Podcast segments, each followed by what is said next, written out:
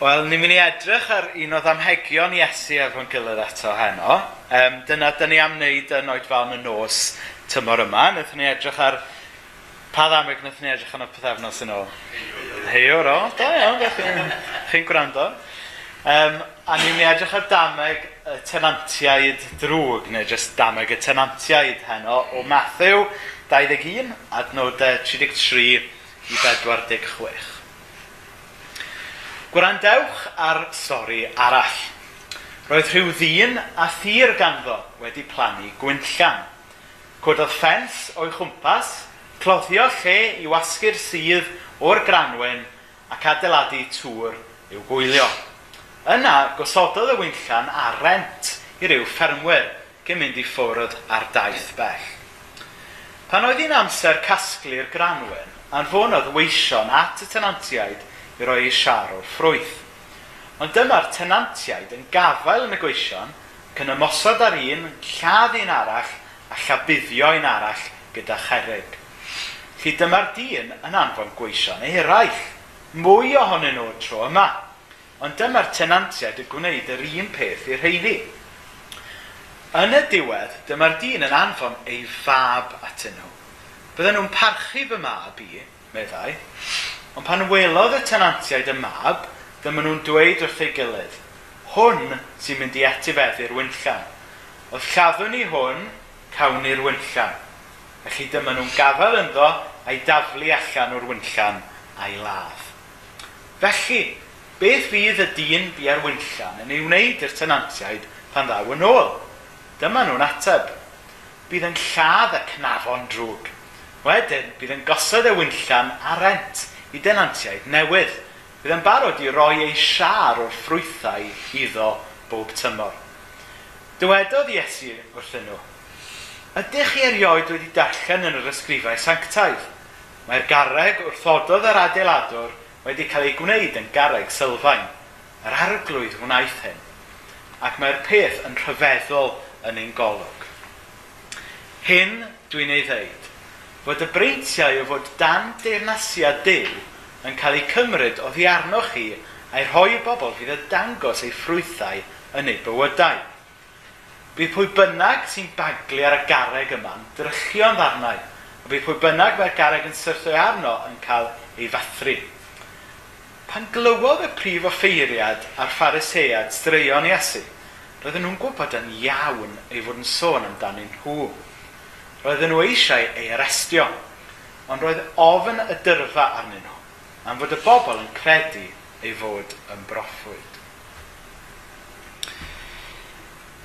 Nawr, ni'n edrych ar y damhegion tymor yma. So, yn gyntaf, na i sôn yn fras beth ydy damhegion, fel wnaethon ni sôn pethefnos yn ôl. Dameg, mewn ffordd, ydy stori syml sy'n cael ei iwsio i esbonio rhywbeth cymlaeth. Dyna yn fras ydy dameg. Um, ond mae'n bwysig i ni gofio fod um, damhegion yn ogystal â dysgu ni ynglyn â'r bywyd chrysnogol, maen nhw hefyd yn dysgu ni ynglyn â gwrthrych object y ffydd chrysnogol hefyd, sef Iesu i hun. A mae hwnna'n bwysig i ni gofio wrth edrych ar y damhegion. Achos mae lot o bobl yn meddwl am y damhegion fel rhyw fath o moral lessons, fel rhyw fath o foes wersi. Ac ar rywydd, ydyn, maen nhw yn wersi da, ond os ydych chi rili really mynd i ddeall y wers, mae rhaid i chi adnabod y person sy'n dweud y wers. Neu allwn ni dim ond ei sens o'r foeseg, o'r morals sydd yn y damhegion, os ydyn ni hefyd yn deall ac yn adnabod Iesu sy'n rhannu y damhegion. Felly dyna'r pwynt cyntaf. Ni gofio bod y damhegion yn fwy na just rhyw moral lessons. Maen nhw'n dysgu ni sut i fyw ydyn, ond maen nhw'n dysgu ni am fywyd yn ei holl gyflawnder a bywyd tragwyddol hefyd. Um, yr ail beth ynglyn ar um, damhegion yma yw holi, wel, pam bod Iesu yn dysgu trwy ddamhegion.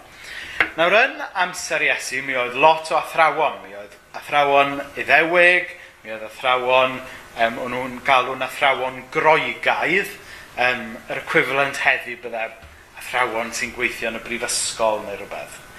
Ac oedd yr athrawon yma, oedden nhw'n bobl intelligent iawn, um, ond y broblem oedd, oedden nhw'n siarad iaith wahanol i iaith y bobl gyffredin. Oedden nhw'n defnyddio lot intelligence, neu a lot o intellect. Ac, ac o'n nhw yn siarad pethau mawr iawn, ond oedd rhan fwy o bobl cyffredin ddim yn deall beth o'n nhw yn i dysgu, achos bod nhw ddim wedi cael addysg.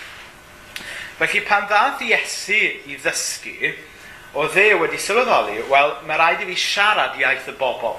Mae rhaid i fi siarad mewn iaith, mewn dylweddau, mewn sefyllfaoedd. Mae'r dyn cyffredin mynd i ddeall. A dyna pam oedd Iesu yn dewis dysgu drwy ddamhegion. Oedd yn siarad drwy stori, drwy iaith, bydd y pobl yn deall. A mae hwnna'n gosod rhyw her gyffredinol i ni tymor yma, i feddwl a da ni fel Cresnogion, fel eglwys heddiw, yn siarad rhan iaith a iaith y stryd. Um, a reality yw bod ni ddim. Na, dyna, dyna gwir amdani. Da ni yn siarad rhyw iaith grefyddol, yn defnyddio jargon, falle bod ni yn deall, neu falle, pas ydyn ni'n onest, da ni'n hunain ddim yn deall beth da ni'n deud hanner yr amser. Um, ond da ni'n siarad iaith wahanol iawn i iaith y stryd o'n cwmpas heddiw. A tasa Iesu, chybo, yn dod â gweinidogaeth, mae Iesu dal i wynwyr geithio, ond tasa fe'n dod â gweinidogaeth yn y cnawd eto, Dwi'n meddwl sa fo, sa ni'n syni gyda'r iaith, a'r storys, a'r dalweddau bydde fe ni ddefnyddio. Felly mae hwnna'n rhyw bwynt cyffredinol i ni fel amdano fe trwy'r tymor ynglyn â sut gallwn ni siarad mewn dymhegion heddiw i gyfathrebu'r newyddion da ynglyn â Iesu. Um, ond at y ddameg benodol sydd gyda ni heddiw. So dyma sut mae'r ddameg yn mynd.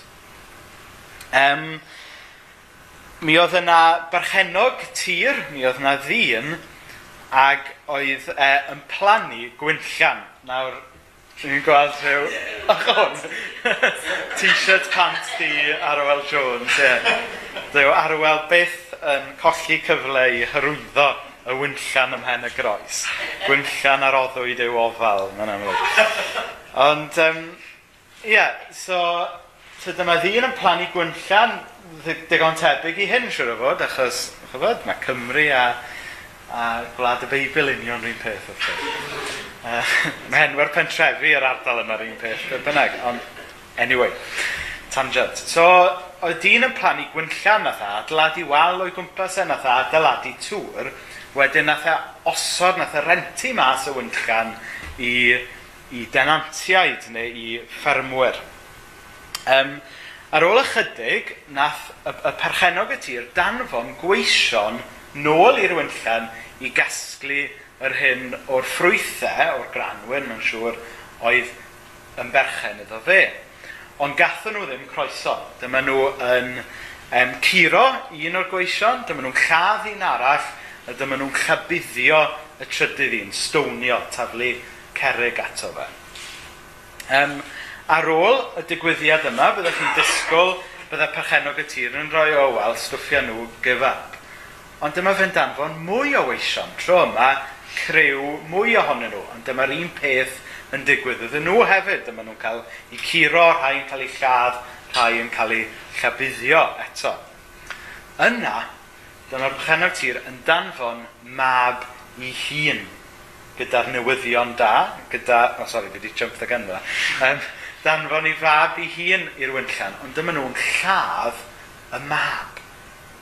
Ond yna, dyna'r pechenog ei hun yn dychwelyd, cymryd y wynllan yn ôl ac ailosod y tir i bobl oedd yn ei barchu fe ac yn rhoi y ffrwyth ydw fe. Felly dyna sut mae'r ddameg, dyna sut mae'r stori yn mynd. So beth yn union oedd Iesu yn trio i ddweud trwy y ddameg yma? Wel, mae cyd-destun yn bwysig. Mae'n bwysig i ni edrych lle oedd Iesu yn dweud y stori yma a pwy oedd ei gynulleidfa fe ar y pryd pan oedd e'n rhannu y ddameg. Wel, cynulleidfa iddewig oedd gan Iesu ar y pryd ac yn y dorf yma oedd yn gwrando ar y ddameg yma a sawl un arall oedd y prif offeiriad a'r phariseaid.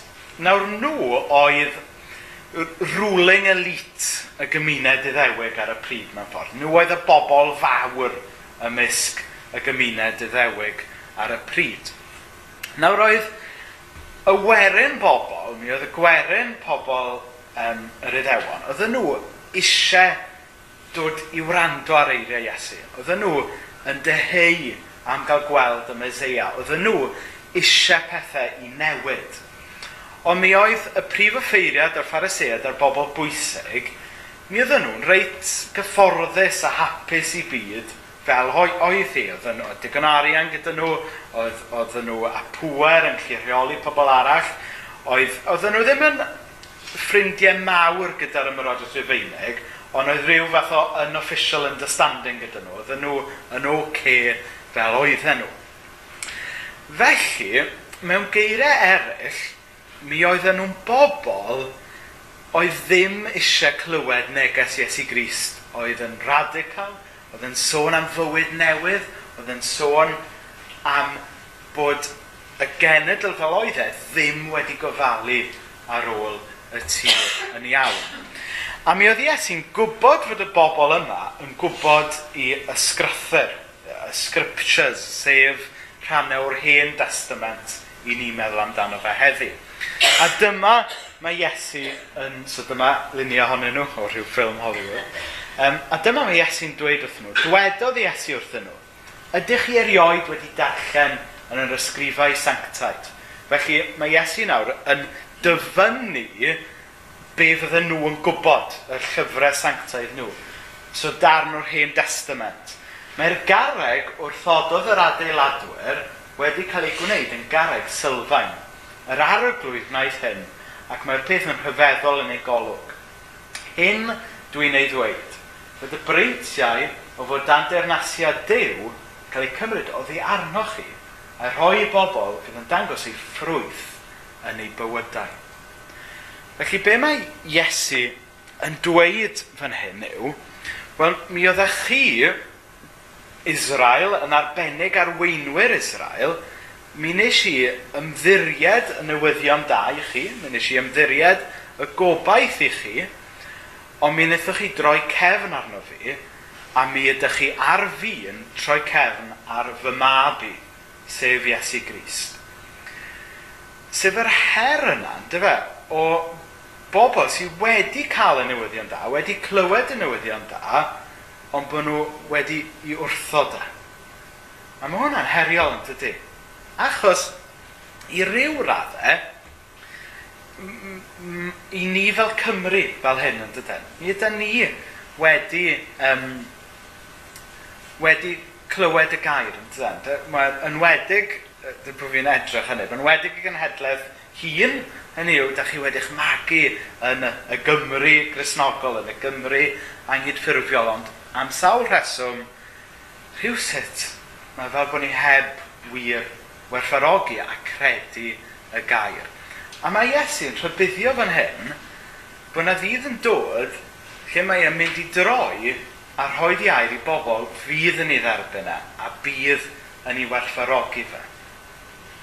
So, yn y bwm, fel hyn mae'r mae ddaneg yn mynd. Y perchenog y tir ydy Dew, yn amlwg, Y wyllian ydy teirnas ddew, um, y tenantiaid y ffermwr ydy arweinwyr Israel, neu wrth gwrs unrhyw un sydd wedi cael cyfle i glywed newyddion da, ond falle ddim wedi ymateb, y gweision sy'n dod ar ran yr, um, or, ar ran y perchenog ydy y proffwydi yn yr hen testament. Oedd yn galw y bobl i droi nôl at ddew, neu falle yn yn oes ni, ffrindiau ni, neu, neu bregethwyr, neu rhywbeth sydd wedi rhannu'r newyddion da gyda ni, y mab yn amlwg Iesu, oedd y bit yna yn eitha amlwg doedd. A wedyn, reit ar ddiwedd hanes, mae'n dweud bod Dyw yn ail osod y tir i bobl bydd yn ei werthfarogi fe. Ac yn arwydd y cael, nid dim ond Israel nawr, ond iddewon, groegwyr, Cymru, Saeson, unrhyw un o unrhyw genedl sy'n addoli ac yn derbyn Iesu Gris. So dyna, tyfod, dyna mae'r ddameg yn dweud a dyna oedd Iesu yn esbonio i Israel ar y pryd. Felly, i orffen heno, dwi am holi, wel, beth yw'r neges i ni heddiw o'r ddameg yma? A dyma oedd y, y tri pwynt o'n i'n meddwl o'n i'n lli dysgu am ddew o'r ddameg yma. Yn gyntaf, bod Dyw yn rhoi rhyfyd i ni, na ni fel am hwnna mewn munud. Yn ail, bod y ddameg yma'n dysgu ni bod Dyw yn ddew amyneddgar sydd yn rhoi sawl cyfle i ni, ac yn drydydd, bod y ddameg yn dysgu bod yn diw ni yn ddew sydd fod yn torchu i lewis er mwyn yn hachub ni. So'r pwynt cyntaf, bod Dyw yn rhoi rhyfyd i ni. Nawr, um, y cwestiwn cyntaf um,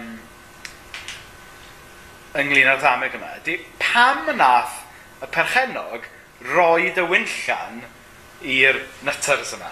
Neu pam nath Dyw osod y wynllan i'r bobl amlwg eitha anystywallt yma na droi i gefn arno fe? Ac rhyw gwestiwn fel yna sydd gyda ni ynglyn a pethau anodd a drygioni ynglyn â pechod yn y byd. Hynny yw, pam bod yw wedi creu y byd yma os oedd e'n gwybod bod ni'n mynd i wneud llanas ohono fe? Pam bod yw wedi rhoi ewyllus rydd i ni os oedd e'n gwybod bod yna bosibilrwydd bod ni'n mynd i ddefnyddio'r ewyllus rydd yna i wneud drygioni a gwneud pechod. Pam dweud Dyw jyst heb yn creu ni i fod yn bobl oedd just by default trwy'r amser yn i addoli ac yn ei garu fo. Pam bod Dyw wedi gwneud hyn? Ond mae'r amag yma'n dysgu yn dydy bod Dyw wedi yn creu ni, bod Dyw wedi creu ddeiar yma, ond wedyn bod Dyw wedi camu nôl rhywsut a roi rhyddid i ni. Ac um, eisiau draws y dyfyniad arbennig yma gan C.S. Lewis, oedd dwi'n meddwl yn esbonio hyn. Why then did God give them free will? Because free will, though it makes evil possible, is also the only thing that makes possible any love or goodness or joy worth having. A mechanical world, a world of creatures that worked like machines, would hardly be worth creating. The happiness which God designs for his higher creatures is the happiness of being freely, voluntarily united to him and to each other in an ecstasy of love and delight. A dwi'n meddwl bod hwnna, to, mae C.S. Lewis fwy na lai yn cael o'n spot on bob tro, dydy. Um, a mae wedi cael o fan hyn. Yn ei weithiau, da ni'n mynd deall pan bod Dyw wedi roed y rhyddid yma, achos da ni'n ei gymryd y smonach yn aml gyda'r rhyddid. Mae Dyw wedi roi'r rhyddid achos bod o isio ni i garu fo. Ta sef o'n gorfodi ni i'w garu fo, Fysa hynna ddim yn wir gariad na fysa. Mae gwir gariad yn benderfyniad mae yn optio mewn. Felly, dyna'r pwynt cyntaf o'n i'n teimlo mae'r ddameg yma'n dysgu ni. Mae Dyw yn rhoi rhyddid i ni, a da ni'n gallu ni drygioni, a da ni'n aml yn gwneud drygioni a pechod gyda rhyddid. Ond mae Dyw wedi rhoi rhyddid er mwyn i ni ddefnyddio fo i'w garu fo o newyllus yn hun. Yr, um, yr ail wers, Dwi'n meddwl bod y ddamig yma'n dysgu ni bod Dyw yn Dyw amyneddgar sydd yn rhoi second chance i ni, sy'n rhoi third chance, fourth, fifth, ac yn y blaen, ac yn y blaen.